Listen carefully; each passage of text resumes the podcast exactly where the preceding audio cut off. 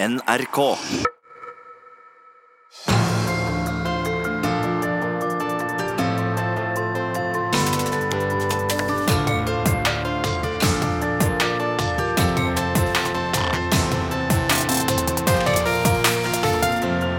I disse dager har mer enn 2000 mennesker på Askøy blitt syke av drikkevannet sitt. Hadde ikke vi verdens tryggeste og reneste vann likevel? Det vil ta over 100 år å bytte ut de gamle og ødelagte vassrøyra i Norge, om det skjer med dagens sneglefart. Riktig velkommen til disse dager på NRK P2 fra Skatten på Tøyen i Oslo. Både til deg som hører oss på radio eller podkast, og velkommen til dagens publikum.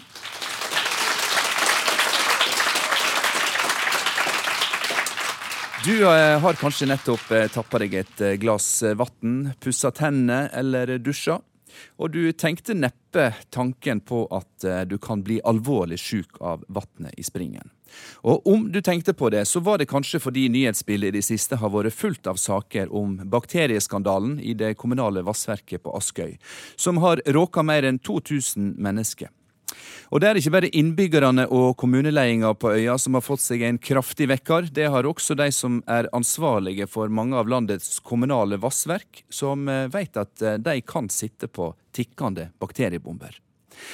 Ledningsnettet her i landet er mange steder eldgammelt. Røra har sprekker og hull, og ligger ofte nedgrevne sammen med kloakkrør, som også kan ha lekkasjer.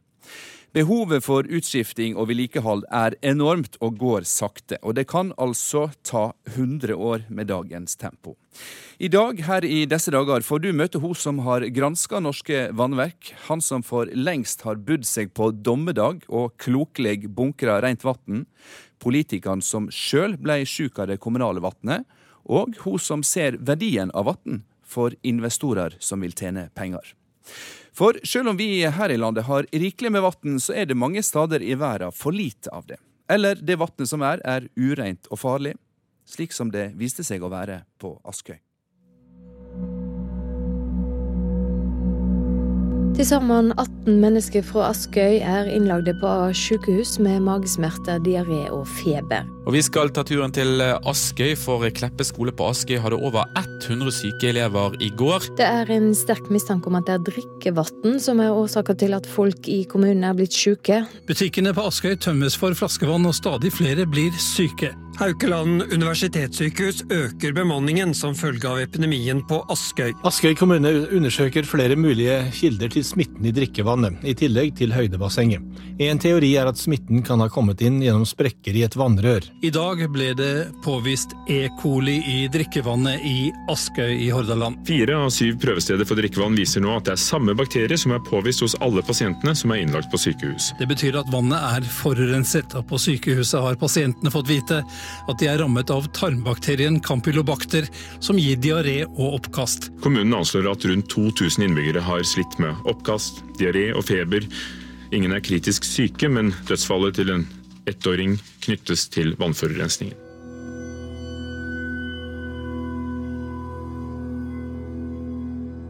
Ja, og Torsdag døde en pasient fra Askøy etter å ha blitt lagt inn med mage- og tarmsymptom på sykehus. Og dette er det andre dødsfallet som helseetat og politi nå gransker i samband med det bakterieinfiserte drikkevannet i et av kommunens anlegg. Og Samme dag kunngjorde folkehelseminister Sylvi Listhaug at hun vil ha full kartlegging av tilstanden for drikkevannet i alle landets kommuner, og pålegger dem å rapportere både om vedlikeholdsplaner og investeringsbehov for vassverk og ledningsnett.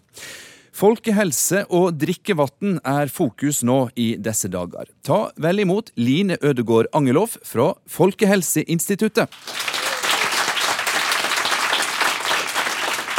Velkommen, Line. Takk skal du ha. Først vil jeg spørre deg om du eh, med din eh, bakgrunn er overraska over at det gikk som det gikk på Askøy? Det er vanskelig å svare på det, men dessverre så forekommer det jo vannbårne utbrudd fra tid til annen i Norge, til tross for et jevnt over velfungerende anleggssystem. Og hvis vi ser tilbake på de siste tiårene, så har vi jo hatt to spesielt store utbrudd, som var da Giardia-utbruddet i Bergen i 2004, hvor rundt 6000 ble syke. Eh, og et campylobakterieutbrudd på Røros i 2007, som da er ti år siden, med rundt 1500 syke. Så fra tid til annen så har vi store utbrudd. Eh, heldigvis ikke med tett mellomrom, eh, men vi har andre mindre type utbrudd hvert år fra små vannforsyninger i Norge. Hvorfor blir disse utbruddene så store? Altså, hvorfor er det så mange som blir syke før en oppdager og får stoppa dette? Ja, det er jo sånn at eh, Vannbårne utbrudd de rammer jo eh, mange mennesker ganske raskt. For vannet blir jo distribuert ganske raskt ut til befolkningen. Eh, og kommer det bakterier i vannet, og alle drikker jo vann, så kan det skje ganske mye på kort tid. Um, så, men hvis vi ser på hva som er årsaken til utbrudd, så kan jo det oppstå i forbindelse med svikt i vannbehandlingen. Det kan skje ved at forurensning kommer inn som vi vet, i høydebasseng, eller ved inntrengning av kloakk i eh, ledningsnettet pga. lekkasjer. For ofte så ligger jo vann og kloakk i samme grøft. Ja, Er det et problem, sånn folkehelsemessig? Det siste vi snakker om nå? Ja, altså eh, hvis du, får, eh, hvis du får lekkasjer eller reparasjoner på gammelt ledningsnett, så kan det føre til trykkløse tilstander i nettet, og du kan få innsug av kloakkforurensning fra eh, omkringliggende rør. Og Det er selvfølgelig et, et, problem, og der er det også en sammenheng. Det har vi jo forskning vist. At det har sammenheng med mage-tarmsykdom. Jeg sa i innledninga her at uh, en del av de som har ansvaret for uh, det kommunale drikkevannet rundt omkring, sitter og vet at de, de, kanskje har ansvaret for tikkende bakteriebomber. Er, er det en formulering du kan gå god for? Jeg vil ikke si at det er en tikkende bombe. Jeg vil si at rent generelt så har vi et godt drikkevann i Norge. Men det er utfordringer og det er sårbarhet eh, som vi må snakke om. Eh, så dette med sårbarhet er jo et tema. Når du sier at det er noe vi må snakke om, eh, er det et problem at dette ikke kommer skikkelig på dagsordenen før tusenvis av mennesker blir syke og mange blir innlagt på sykehus? Altså jeg tror sånne hendelser får øynene opp. Og det er klart det som ligger under bakken, det er noe vi ikke ser til daglig. Så det har kanskje ikke den aktualiteten som det bør ha. Men hvis vi ser på spesielt når det gjelder Norge, så har vi en spredt bosetning og vi har mange små vannverk. Og vi har lange strekk med ledninger som trenger vedlikehold og utskiftning. Og det er jo utfordringer vi har. og Spesielt de rørene som ble lagt etter krigen, var spesielt utsatt. og har både leggemetoder og materialer tilsier at de har dårlig kvalitet og bør skiftes ut. Så vi har utfordringer, og utskiftningstakten på disse rørene er som du sa, eh, lavere enn behovet. Og eh, Vi har stor lekkasje. Vi har 30% lekkasje fra ledningsnettet i snitt i Norge. Og enkelte steder er vi helt oppe i 60% lekkasjer. Mens våre naboland har jo under 10% lekkasjer. Ja, La oss snakke om våre naboland, fordi det er forskjell på um på Sverige, Norge og Danmark når det kommer til drikkevann. Hva er det som gjør at vi skiller oss der? Ja, Vi skiller vel oss i hvert fall ikke så mye ut fra Sverige. Eh, de, jo samme, de henter jo vann fra overflatevann, sånn som vi gjør. Eh, men litt av eh, det kritiske er at vi henter vårt Eller det er ikke kritisk, for dette håndterer vannverkene våre. Men forskjellen på landet er i hvert fall at vi henter drikkevannet fra overflatevann og fra elver og innsjøer. Og spesielt i lavlandet så er dette næringsrike vann, som, og som også er utsatt for flommer og forurensning eh, fra omgivelsene. Og Det fører med seg næringssalter, bakterier, eh, virus og parasitter. Og det kan òg eh, enkelte steder medføre algegift, som også må håndteres av våre eh, renseverk. Mens i Danmark har man ikke de samme utfordringene med vannrensingen, som henter vann fra grunnvannet. Mm. Jeg vil spørre deg avslutningsvis, hva er de største truslene framover for tryggleiken til norsk vann? Jeg vil si at eh, det første som er nevnt med ledningsnettet, er, det blir også snakket om litt senere i dag, eh, det er jo det er et av de viktigste. Så, så, har jo en del mennesker også vært redd for dette med sabotasje. Og da vil jeg jo si at når det gjelder drikkevannsforskriften, så har den en bestemmelse som krever at vannverkene kartlegger farer, både med hensyn på avvik og beredskap. Og alt som har med f.eks. hærverk, vandalisme, eh, terror og IK-trusler og den type ting, eh, det skal etter loven ha betydelig fokus eh, hos alle norske vannverk i, i arbeidet med beredskap. Som er da forsterket i drikkevannsforskriften med en ny bestemmelse om forebyggende sikring. Eh, så I vann, drikkevannsforskriften så ligger det implisitt at vannverkene skal og har ansvar for at de har et robust eh, system for dette. Og så har vi, Men, har vi klimaendringene. Og så er det klimaendringene. Og, og det, øka nedbør. Ja, og det er vel det Når vi snakker om uforutsette hendelser, så er dette med klimaendringer noe vi vet kommer. Klimaendringer knyttes til økt nedbør, mer styrtregn og flommer. Eh, og overflateavrenning. Og dette vil først og fremst påvirke råvannskvaliteten. Eh, men det vil også kunne gjøre gamle og utslitte rør eh, mer utsatt i forhold til lekkasjer og innsug av kloakk i drikkevannet vårt. Nå viser forskning at våre store vannverk er rusta for å takle de klimaendringene som kommer. Eh, vi vet at det blir mer farge og mer partikler, og vi vet at det kommer mer E. og vi vet at det kommer mer, mer type bakterier i råvannet som følge av avrenning og flommer og den type ting. Men eh, de store vannverkene er godt rusta for det. Det mer, eh, som er mer usikkert, er de mindre vannverkene. Vi skal snart snakke med ei som representerer også de mindre vannverka.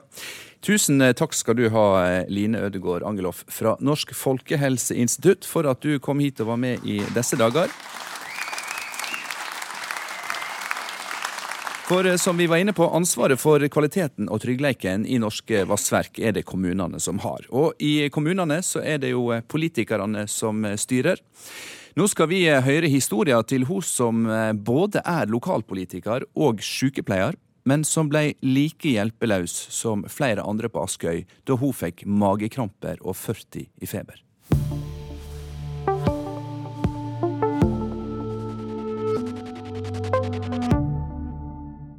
På Askøy utenfor Bergen har flere enn 2000 mennesker blitt syke den siste tida, og over 60 har blitt innlagde på sykehus, flere av de barn, på grunn av bakteriesmitte i det kommunale drikkevannet. Og eh, I forbindelse med denne sendinga har vi vært i kontakt med flere for å få deres historie med i disse dager, men én eh, etter én har de måttet avlyse fordi de har blitt syke eller sykere de siste dagene. Men eh, ei som er på føttene, i alle fall enn så lenge, det er Siv Høgtun. Hun er intensivsykepleier av yrke, og har også ei fortid som ordfører for Høyre på Askøy. Eh, jeg begynner med å spørre deg, Siv, hvordan er formen din? Jo, jeg er, jeg er, bra. Jeg er oppegående, som du sier, men jeg er ikke helt frisk ennå. Nei, hvor, på hva måte har du vært syk? For, forklar oss hvor dette, hvordan dette har rammet. Ja, dette startet med at jeg gikk på jobb eh, som sykepleier på tirsdags ettermiddag, og syntes ikke jeg var helt i formen. Jeg skulle nok klare ut den vakten der, og sto nå på. Men kom hjem og gikk rett i seng, og der ble jeg til nesten til fredag. Jeg eh, hadde veldig høy feber, eh, og eh, de andre symptomene som alle andre som har hatt dette, har, altså med diaré og veldig mageknip. 40 i feber og lå og svettet. og det du gjør som sykepleier, det er å få i deg nok drikke. Så jeg lå hele onsdag og torsdag og bare drakk vann. Så jeg fikk godt i meg av det vannet som jeg ikke skulle ha drukket da. Har du vært så dårlig tidligere? Nei, vet du hva, jeg tror aldri jeg har vært så syk. Altså. Med 40 i feber og tar Paracet eh, på rette tidspunkt hver sjette time, og ikke får feberen ned mer enn til 39. Så jeg var, jeg var skikkelig dårlig. Eh, og det tror jeg det er mange andre som har vært òg. Eh, så fant jeg ut at jeg skulle Jeg måtte jo ha en sykemelding, for jeg skjønte jo jeg kunne ikke komme på jobb som sykepleier på fredag og lørdag. Og Først skulle de sende denne sykemeldingen, men så ble jo jeg kalt ned til legen da torsdags ettermiddag kveld. For de måtte ta blodprøve. For her, da var det noen flinke sykepleiere på legevakten så hadde skjønt at her var det litt mange fra samme nabolag som hadde ringt ned med de samme symptomene, altså feber og diaré og mageknip. Og da gikk alarmen? Ja, jeg kom ned der, var vel kanskje en av de første. Så det var tydelig at det var veldig travelt på eh, legevakten. Og det var tydelig at de fanget opp at her var noe i emning. Men jeg tror ikke de skjønte der og da hva som kom til å skje utover de neste døgnene. Mm. Sive Høgtun, kan du forklare hvordan eh, dette har påvirka Askøy? Vi vet jo at eh, veldig mange har blitt syke, over 2000, eh, og mange har blitt innlagde. Men hvordan har dette påvirka Askøy-samfunnet at det kommunale vannet har gjort så mange mennesker syke? Ja, jeg tror det er veldig mange følelser der ute nå. Jeg tror det er mange som er skremt. Og jeg sjøl må jo si at jeg er skremt, for jeg er en litt sånn ja, jeg tar ikke sånn Jeg er intensivsykepleier, så det skal litt til for at jeg skal bli litt sånn satt ut. Men dette var skremmende. Og jeg tror det er mange på Askøy som er skremt. Mange har vært veldig syke. Jeg er nå relativt god form til vanlig, men tenk på alle de som har, er kanskje i dårlig form og har syk, en sykdom grunn, i grunn, mm. som har blitt redde. Eh, ja, og så det å ikke ha tillit til drikkevannet. Det er noe så fundamentalt og grunnleggende som en kommunal tjeneste som drikkevannet. Det er det det som er det skremmende her, Siv? At, at, dere mister tilliten til noe som de fleste av oss tar for gitt? Ja, det tror jeg har satt mange ut. Samtidig så må jeg si at når dette har skjedd, og folk skjønte omfanget av det. Så veldig mange var sinte, mange var skremt. Men så så vi òg hvordan Askøy kommune sto opp. Og både administrasjon, eh, sekretariat, kundetorg, legevakt, vann og avløp har jobbet. Og jeg må jo bare si at jeg syns de har taklet det på en fantastisk måte når dette først skjedde. Eh, de har stått på, de har kjørt ut vanntanger, de har gitt informasjon. Jeg har fulgt med all informasjon som har vært gitt. Så og naboer begynte å hjelpe hverandre. Frivilligheten, Røde Kors har stilt opp og stilt seg til disposisjon for å hjelpe folk som trenger det. Så, så er jo det òg eh, gode å ta med eh, når situasjonen er sånn. Siv, du har vært ordfører på Askøy for Høyre, og du stiller til valg ved høstens kommunevalg igjen. Det betyr at du i teorien iallfall kan bli ordfører igjen. Hvorfor har ikke politikerne på Askøy eh, etter så mange advarsler og meldinger greid å ordne opp i dette før det gikk så gale som det gjorde? Ja, for å si det sånn, Både vann og avløp har vært eh, saker som har vært i kommunalsystemet. Og vi har jo en vann- og avløpsplan, og vi følger den. Som politiker kan ikke jeg huske at vi har fått forelagt oss at det har vært kritisk med hensyn til kvaliteten på vannet. Men det har vært det mange har... kokevarsel opp gjennom eh, åra, da? Ja, det stemmer. Og det har vært forklart eh, at dette kokevarselet det, de har kommet. For vi er klar over at vi har et gammelt renseanlegg på Øvre Kleppe. Eh, og det renseanlegget det har ikke Altså når det én barriere har vært ute av funksjon, så har vi fått kokevarsler. Men det har bare vært sånn her for sikkerhets skyld. Eh, jeg har aldri hørt at noen har blitt syke av vannet da. Sånn at de kokevarslene, så Vi har vært klar over at vi har et gammelt renseanlegg, og vi har vært klar over at vi har gamle rør. Og vi er klar over det at vi må rydde opp i dette, og det må gjøres. Men hva er grunnen til at det ikke har blitt gjort før, da?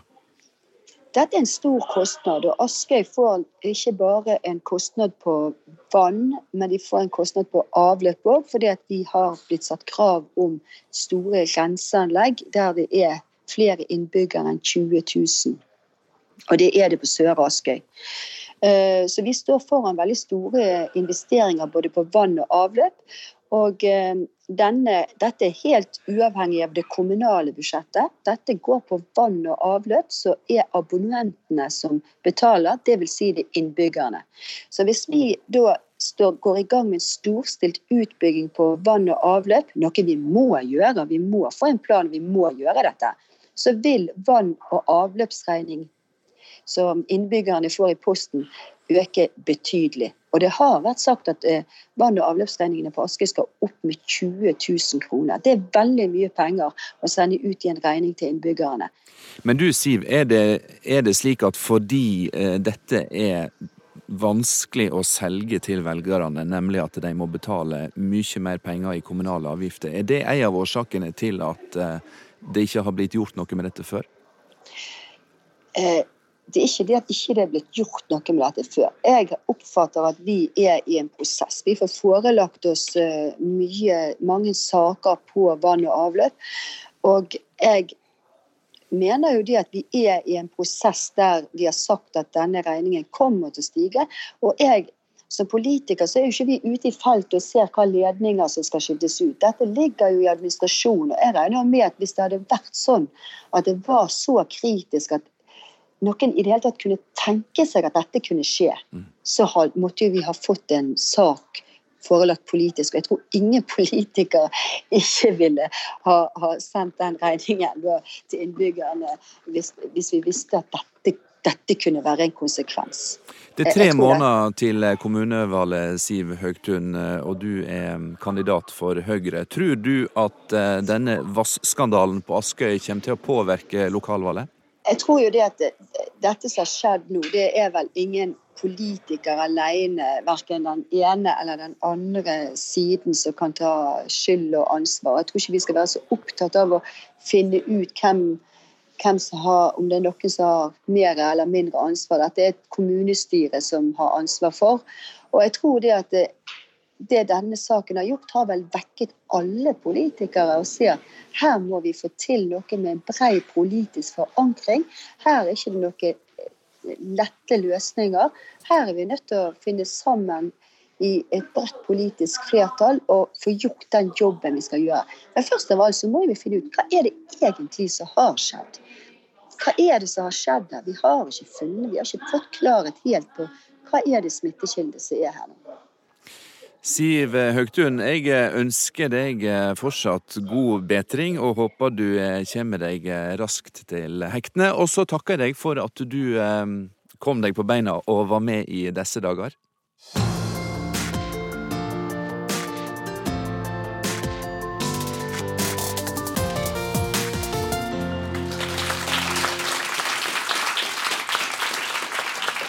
Vi skal eh, flytte fokus eh, fra Askøy og bakteriesmitten som har gjort mange syke der, og se på tilstanden i norske vassverk. For det er de som skal eh, sørge for at vi får rent og trygt vann i springen. Med oss på scenen nå har vi fått to som følger situasjonen i norske vassverk tett. Det er Liv Kari Skudal Hansten. Hun er administrerende direktør i Rådgivende ingeniørers forening. Enkelt sagt den private delen av norsk vassbransje og Arnhild Krogh, rådgiver i Norsk Vann, den nasjonale interesseorganisasjonen for vassbransjen i Norge, eid av 365 kommuner i landet. Dere har begge gjort utgreiinger som viser at oppgradering og investeringsbehov i norske vassverk og ledningsnett er stort. Hvor gale er dette? Jeg begynner med deg, Liv Kari Skudal Hansten fra den private delen. Ja, Vi begynte jo å gjøre en undersøkelse allerede i 2010 der vi så egentlig på all offentlig infrastruktur og bygg. Og der det var avløpsrørene og vannrørene som var, lå ganske dårlig an.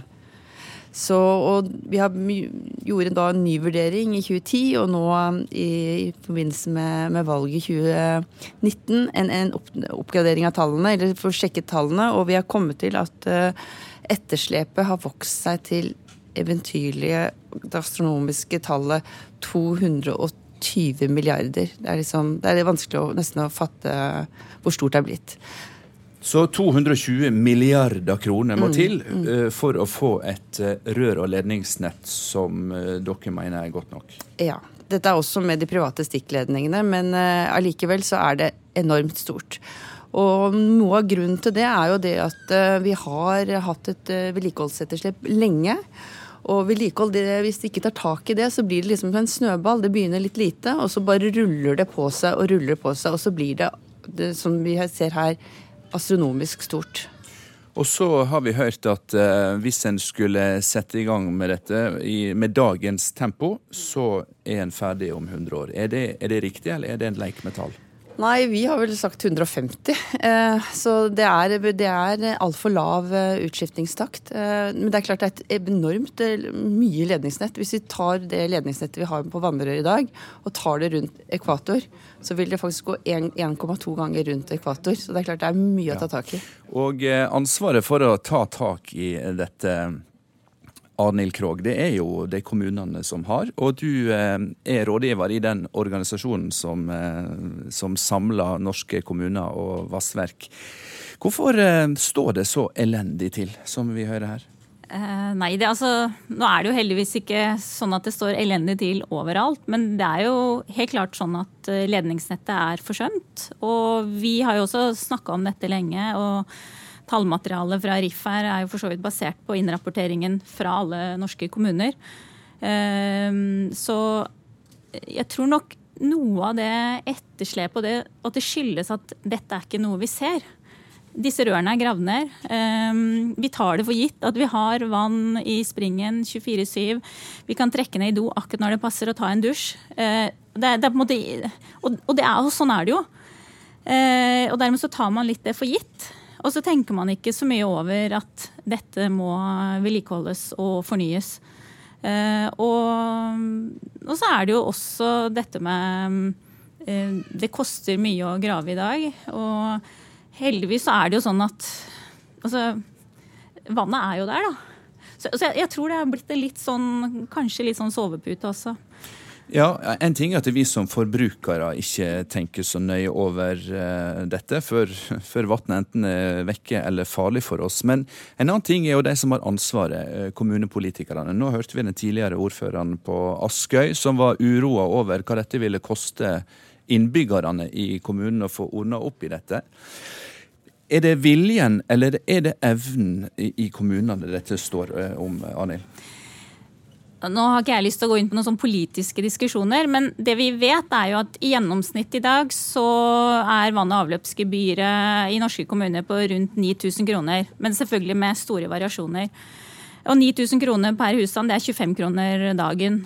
Um, som jeg jo kanskje vil påstå ikke er sånn altfor dyrt, da, med tanke på hva du faktisk får igjen. Og hvis du sammenligner med strøm eller andre infrastrukturtjenester. Uh, men det er klart at um, det koster å fornye og, og gjøre noe, men eh, det, det, det, koster jo også mye å, la være, da. Og, og, det er jo det vi kjenner på nå. Så vi er jo veldig opptatt av at kommunene må lage fornyelsesplaner. At de må gå gjennom og se ta utgangspunkt i sitt ledningsnett og hva er det vi må gjøre, og hvilken fornyelsesakt er det vi må ha. Og Vi har jo også sagt det at vi anbefaler i snitt ca. 1% hvert år. Det betyr jo at da eh, har du en levetid på 100 år på ledningsnettet. I dag så er fornyelsesprenten på 0,7, så det betyr jo at den må eh, økes ganske mye. Men det er også noe med det å kunne ta en sånn økning på veldig kort tid. Det finnes ikke nok kapasitet, verken i kommunene eller hos rådgiverne eller entreprenørene, til å hva skal jeg si, skyte rett i været med dette her. Så, det så om noen må... hadde bladd opp disse 200 og noe 20 milliardene eh, i morgen, så hadde ikke det hjulpet? Ikke i morgen, nei. Nei, jeg tror at uh, Vi har jo hatt en utfordring lenge. Jeg har selv gått på det gamle NTH, eller NTNU. Og det var lenge, det er mange år uh, som, Det er ikke mange år tilbake før vi faktisk fikk vår første lærebok. Uh, det var masse stensiler og masse forskjellige ting, men det å få faktisk en lærebok innen vann og avløp, det har ikke vært et, et attraktivt nok fag, tenker jeg. Mange har tenkt at det er liksom handler om vann og kloakk, og det er ikke så spennende. Men dette handler jo faktisk om folks helse og miljø og er egentlig et veldig viktig og spennende område. Så jeg tror også det å få opp rekrutteringen til faget og området eh, er, er sentralt. Vi har eh, sagt det før at dette er kommunene sitt ansvar. Og nå når eh, situasjonen har utvikla seg på Askøy, så er det flere parti, i alle fall to, SV og Arbeiderpartiet, som har sagt at kommunene bør ikke sitte alene med dette ansvaret. Staten må inn og ta grep, også økonomisk. Ville det løse situasjonen? Ja, det ville det jo ikke hjelpe med økonomisk støtte. Men jeg tenker jo noe som kanskje har vært viktigere, er altså For det finnes jo, som Norsk Vann påpeker, en del kommuner som har faktisk har gjort jobben sin. Eh, vi har Ås kommune, vi har Elverum, Østre Toten, Larvik kommune. Det er flere kommuner som er kjempeflinke. Eh, det vi etterlyser, er eh, mer noen som tar det sentrale ansvaret. Som sier at vet du dette er mitt område. I dag så er det litt pulverisert hos de sentrale myndighetene. Vi har sett på at vi tror det er spredd over elleve ulike departement og direktorat. Og da er det ingen som på en måte er med på å dra dette opp, få opp beste praksis. Eh, vi er, som mange snakket om her, så er det jo litt sånn det er en motstand mot å få opp gebyrene. Eh, det fins smarte teknologiske løsninger som noen tar i bruk. Dette må deles. Men det er ingen som får verken stjerne i boken eller premiert av å dele.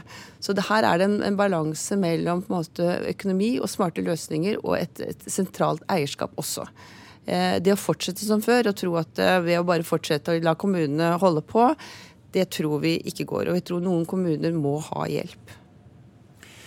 Vi hørte Folkehelseinstituttet, som er den korrekte nevninga, eh, snakke om at eh, det er fare for smitte eh, på vassrør som lek, fordi rett ved sida av ligger det kanskje et kloakkrør som også lek.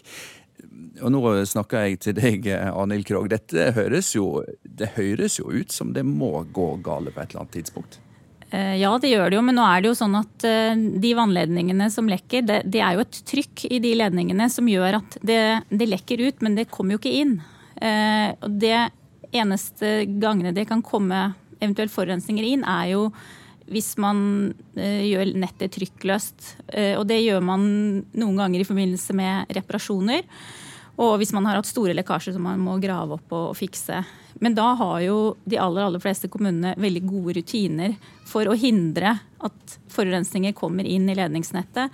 Og det spyles og det kloreres og det tas prøver før man sier at vannet er trygt igjen.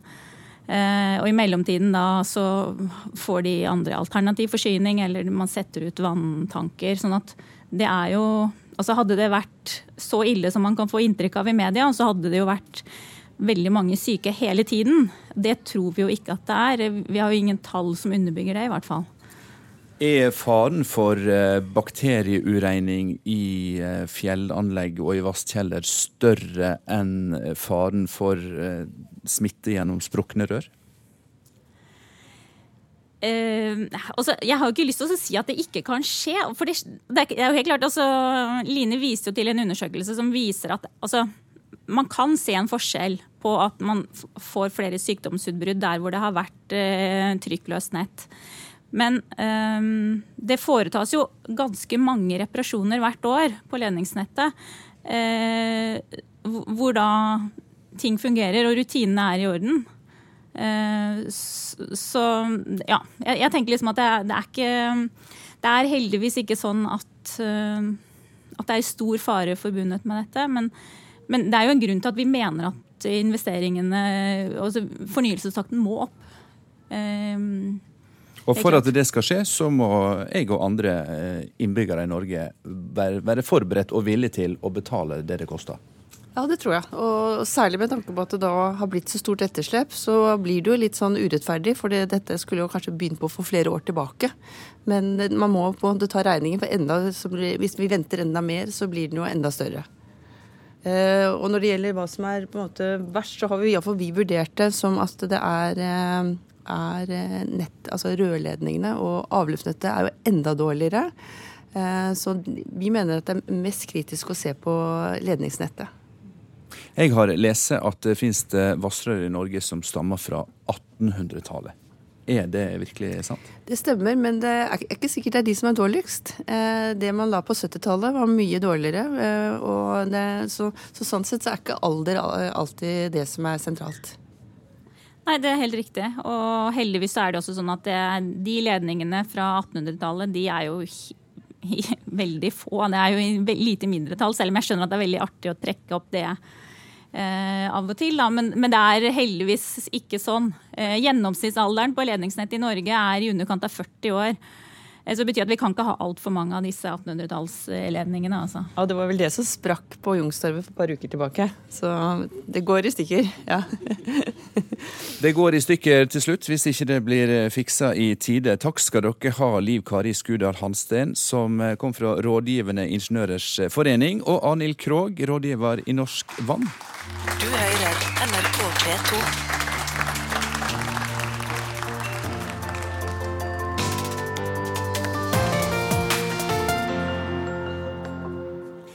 For mange av oss eh, kommer det som ei overrasking når drikkevannet viser seg å være forureina, eller når strømmen blir borte i dagevis. De tinga vi tar for gitt, reflekterer vi ikke særlig over når de er der. Men det fins folk som tenker med uro på alt som kan gå galt. For før eller seinere så går det jo galt og de forbereder seg på å overleve langt utover den beredskapen som styresmaktene råder alle husstander til å ha. Her er Michelle van Koforden.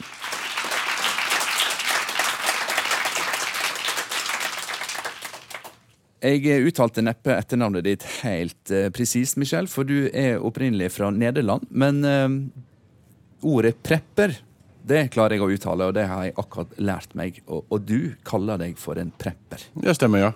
Hva, hva, betyr det? En prepper er en som eh, forbereder seg på det verste og håper på det best. Forberedt på alt. Eh, strømløs hjemme.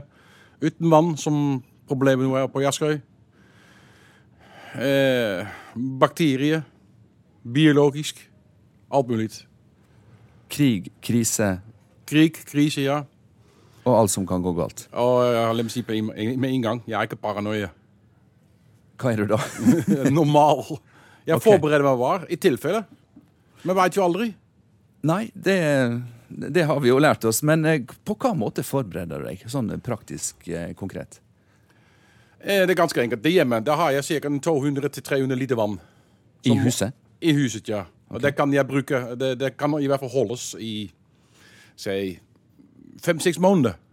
Og da bytter jeg ut igjen. Så gjør jeg det hver gang. Så jeg har alltid vant igjen litt. I hvert fall for to-tre dager. For blir det verre, da stikker vi av. til plass hvor vi har. Og det kan vi bli uh, ganske lenge. Da har vi masse vann. Ja, For du har en, en hemmelig stad du kan søke tilflukt i? Det stemmer, ja. Og da har jeg mat, drikke, transport. Så eh, hvis du nå hadde bodd på Askøy, eller dersom eh, ei lignende vasskrise skulle komme der du bor, så hadde du ikke blitt påvirka i det hele tatt, eller? Nei. Ja, kanskje fordi de fleste ble smittet før de ble varslet. Det må vi også se på, ikke sant? Jeg, jeg, kan, godt, jeg kan godt bli smittet før de har sagt det. Men hadde vi vært klare over det, da hadde jeg ikke blitt smittet. Men selvsagt, jeg har et filter hjemme. Det er mange som har kjøpt seg en filter på eBay eller hva, sånn, hva det er. Filtre ekstra på kranet. Hvorfor ikke? Det er lov. Og så har du noe oppi vannet også, for å være sikker. Ja, har, jeg har jo klorin i vannet. Den er i kjeller. Og klorin må jo den, den, må du ha i vann for å drepe bakterier. Og det er mange kommuner faktisk som ikke bruker klorin for å rense vann. Men eh, Michelle, du sier at du ikke er paranoid. Nå, nå gjetter jeg jo på at det sitter folk og hører på deg og tenker at jo jo, han, han er jo paranoid. Men du er i alle fall veldig godt forberedt. Ja. Og så er det mange av oss som ikke har 200-300 liter eh, vann eh, stående Nei, det er, det er ikke mange som har plass til det. De som bor på boligblokker, f.eks. Ja. Der, der finnes jo andre løsninger. Men hva sier du til oss da, som ikke har tatt sånne drastiske grep som du har gjort? Sørg for at du har eh, for én dag reservevann.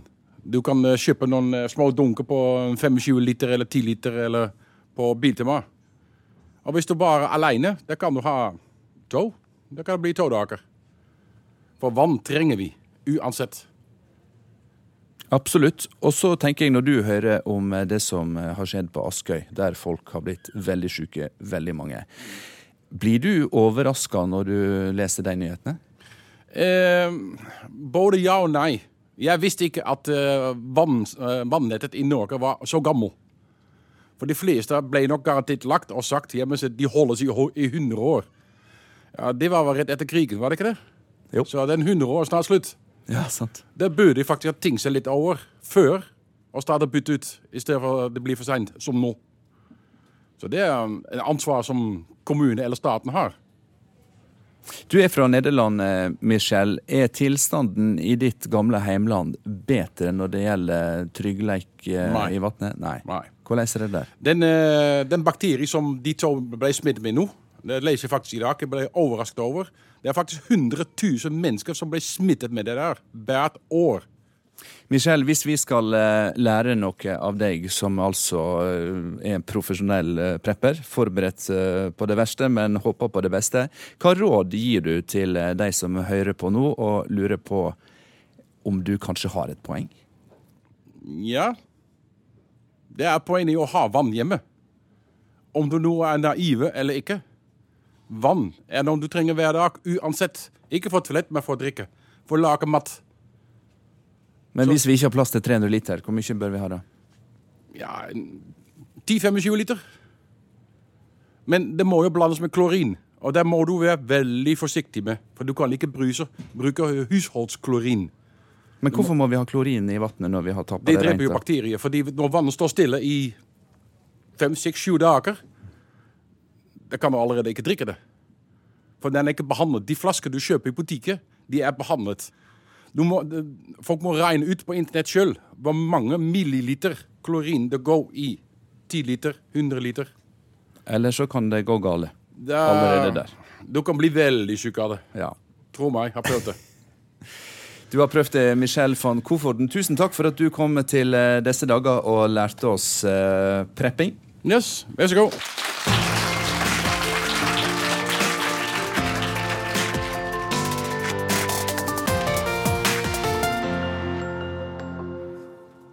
Vann er viktig for å leve og overleve, men eh, på hva andre måter er vann avgjørende for mennesker?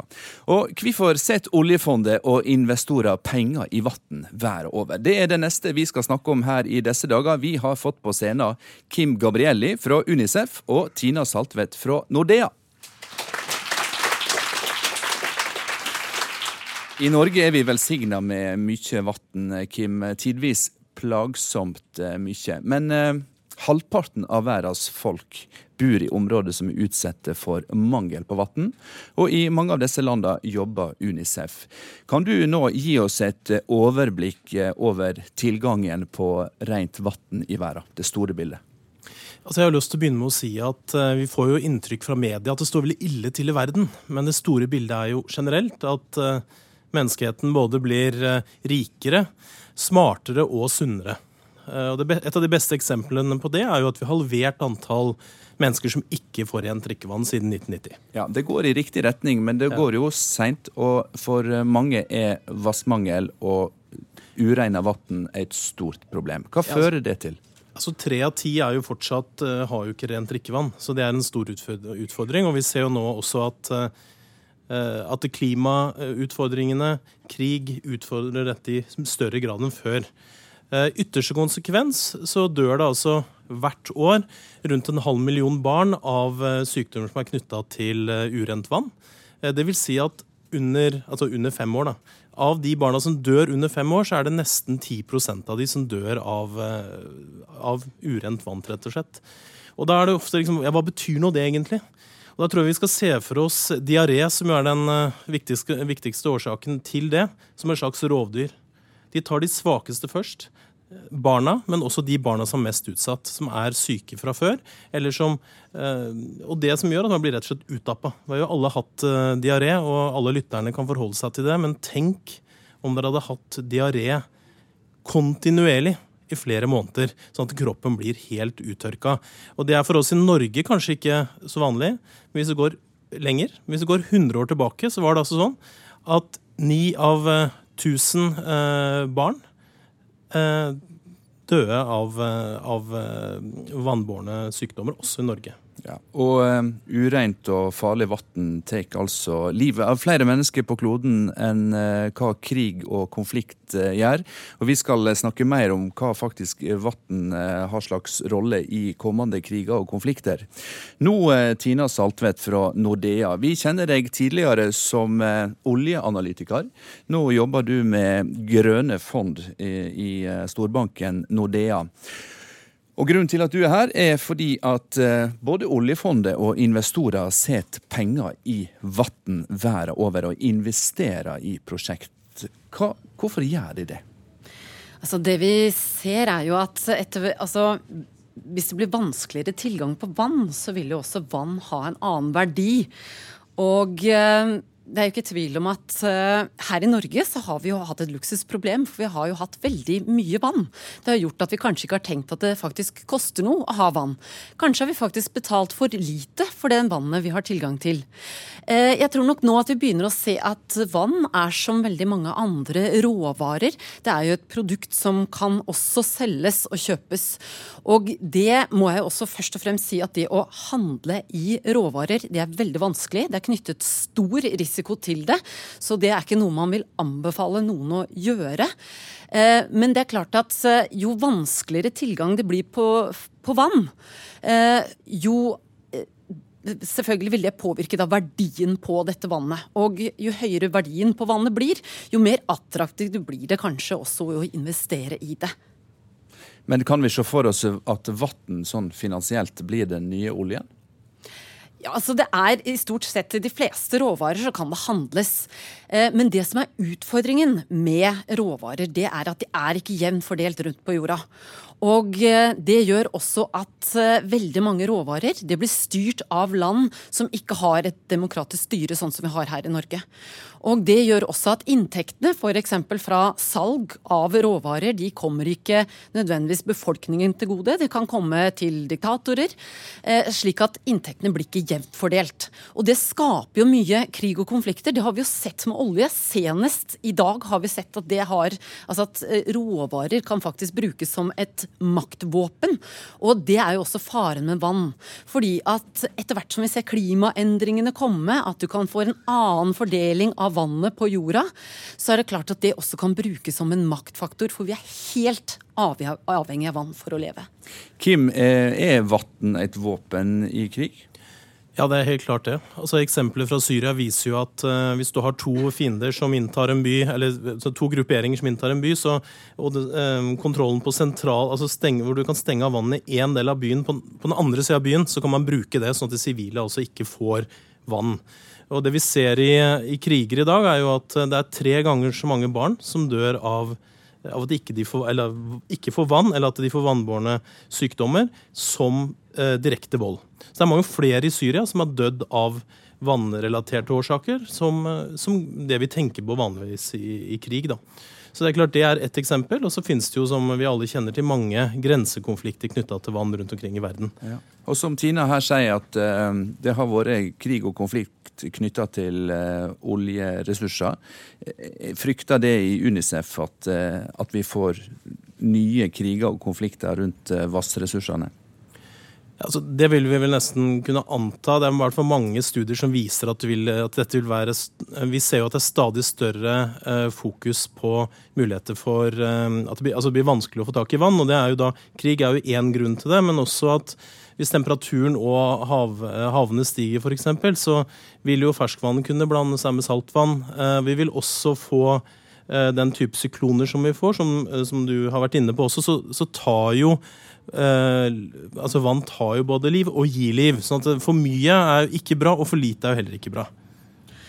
Men det vi ser er jo at for f.eks. nå når eh, hvis det blir knapphet på vann enkelte steder, verdien på vann begynner å stige, så begynner vi som mennesker også å tenke annerledes. Selskapet begynner å tenke annerledes. Og da kommer også kreativiteten og innovasjonslysten. Så det vi ser er jo også at eh, fordi man kanskje forventer at det kan bli knapphet på vann enkelte steder, så begynner man å se på metoder for kanskje å rense saltvann, slik at man kan bruke det til andre ting som i dag bruker vannet vi får fra, fra ferskvannskilder. Eh, I tillegg så ser vi også at selskapet begynner å bli mer og mer bevisst på hvor mye vann de faktisk bruker. Og dette her ser vi begynner å bli et krav faktisk fra investorer. At du må begynne å legge frem at du har en strategi på vannforbruket ditt. Fordi at eh, vann begynner å bli en knappere ressurs enkelte steder, så vil det også være krav om at du skal være mye mer åpen om hvor mye vann du bruker i, dine, i din produksjon f.eks. Blant annet er det jo noen industrier som er mer vannintensive. F.eks. Eh, bryggerisektoren, det kan være jordbruk. Eh, og da vil man etter hvert begynne å se på selskapene, så vil man begynne å måle. Kan du redusere ditt vannforbruk noe? Fordi at det vil kanskje gagne selskapene. Rett og slett fordi at vann vil bli en knapp faktor. Det vil bli dyrere og en økende kostnad for selskapene. Ja, Dette er jo helt klart noe som også oljefondet ser, gjennom at de har et såkalt forventningsdokument som går akkurat på dette om eh, hvordan bruker du vann, hvordan forholder du deg til vann. Eh, og For UNICEF, som er ansvarlig for eh, vann i nødhjelpssituasjoner i FN, så ser vi at dette blir en helt avgjørende sak framover. Og det er jo som du sier, det er veldig stor forskjell på hvor mye tilgang har man. Altså de, de med, altså Lavinntektslandene så er det jo bare 60% som har tilgang eh, til eh, rent vann. Eh, mens hos oss er vi jo selvfølgelig nærmere 100. Så det er det å finne konkrete løsninger på dette Eh, UNCEF har også et eh, venturefond. Vi prøver å investere i løsninger. Vi må på én side løse det eh, gjennom de tradisjonelle måtene, og så må vi også tenke nytt samtidig. Og Da er vi avhengig av at investorene bruker penger, for der investorene setter pengene, der vet vi også at eh, selskapene følger etter. Men er ikke det et stort problem da, dersom verdens vannressurser blir privatiserte og eid av folk med økonomiske interesser? Jo, det vil jeg mene at det er. Eh, så skal vi ikke generalisere dette, for det vil være ulike situasjoner. Men selvfølgelig så bør vann være offentlig tilgjengelig. Men det vi snakker om her, er jo ulike løsninger på f.eks. å gi det offentlige redskap til å eh, å rense vann, som, eh, som er nevnt her med det å rense saltvann. Eller det å se på ulike typer for å hente opp mer vann som vi tidligere ikke hadde tilgang til. Jeg var for et par år siden i eh, Cape Town i Sør-Afrika, da den store vannkrisa nådde storbyen. Og da var det rett og slett slik at eh, folk måtte ut på gata med vassdunker og tappe vann ifra eh, vann pumper og tanker som eh, styresmaktene hadde sett ut. Eh, Mexico City er en annen eh, værsby som har hatt problemer med vasstilførselen. Og da lurer jeg på, Tina, når en ser slike skrekkscenarioer som det jo faktisk er, når så mange millioner mennesker risikerer å miste vannet sitt, er det der mulig å gjøre gode penger for de som vil investere i teknologi eller vassrensingsprosjekt? Det er klart at eh, det er jo mulighet til å gjøre gode penger, fordi at verdien på vann vil da stige. Men jeg tenker her må man jo prøve å få frem løsninger som kan gagne alle. At alle får mer tilgang på vann. Og da er det jo nettopp løsninger som går på dette. Hvordan kan jeg bruke mindre vann i mine prosesser? Hvordan kan man rense vann, slik at flere får tilgang på det vannet som er tilgjengelig? Så jeg tror at eh, man trenger private investorer til å lage de teknologiske løsningene for å få en mer effektiv effektiv distribusjon av vann. Men derimot er jeg veldig skeptisk til det med eierskapet til vannkildene. fordi at vi har sett det fra andre råvarer. Det, er, det skaper krig og konflikter med, med forskjellsfordeling på, på, den type eh, råvarer, rett og slett. Men det gode er, som du sier, da, at eh, det kan føre til eh, at vi får ny teknologi. At det blir sett penger i gode prosjekt som gjør tilgang til trygt vann lettere for flere. Og Der tenker jeg også at det er viktig at man ser på samarbeid. Man kan se på samarbeid mellom stater, kommuner, og man kan se samarbeid mellom det private næringslivet. Fordi at ofte kan det være en del risiko som kanskje det private næringslivet ikke vil ta, eh, være borti. Eh, det kan være for høy politisk risiko knyttet til noe. Slik at man kan se på samarbeid, f.eks. at stater eller kommuner kan gå inn og ta bort noe av den risikoen som kan være med teknologi, oppstart f.eks eller politisk risiko. Og så kan da eh, private investorer komme inn med mer kapital, slik at man får en større pott til å bidra til å utvikle da den, altså den teknologien som er nødvendig for å klare dette. Mm. Kim? Så det er jo helt klart at Hvis vi ser på hva er det vann brukes til, hvis vi tar, ser det liksom store bildet, så er det altså nesten 70% som går til landbruk. Det betyr at hvis vi klarer å effektivisere landbruket, som et eksempel, eh, gjennom løsninger, eh, så vil vi ikke snakke om hvem som eier vannet, men hvordan det brukes. Så jeg tror nok at det er eh, veien å gå. UNICEF har også i fjor så ga vi rent vann til nesten 19 millioner sammen med våre partnere. og det er klart Da brukes både vannrensetabletter, da brukes ulike typer filtre. Det er klart at Alle de tingene der kan gjøres billigere og utbredes i større grad til områder som tidligere ikke har tilgang på det.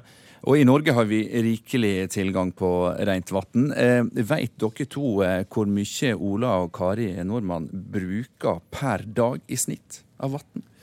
Da tror jeg vi må hente opp noen av de tidligere, tidligere gjestene her, men det har du kanskje peiling på? Nei, jeg skal ja. høre nå eh, analytikeren Saltvedt. Hva gjenter du på? Oi, det, den var vanskelig. Eh, jeg, på et år hvor mye man bruker på et Nei, år? Vi snakker om eh, daglig. Daglig forbruk. I snitt? Eh, da tror jeg i snitt vi bruker ca. 15 liter. Fasiten er ifølge internett 190 liter hver dag i snitt, og vel så det. Så da fikk vi noe å tenke på der. Tusen takk skal dere ha, eh, Tina Saltvedt fra Nordea og Kim Gabrielli fra Unicef, for at dere kom hit og var med i disse dager.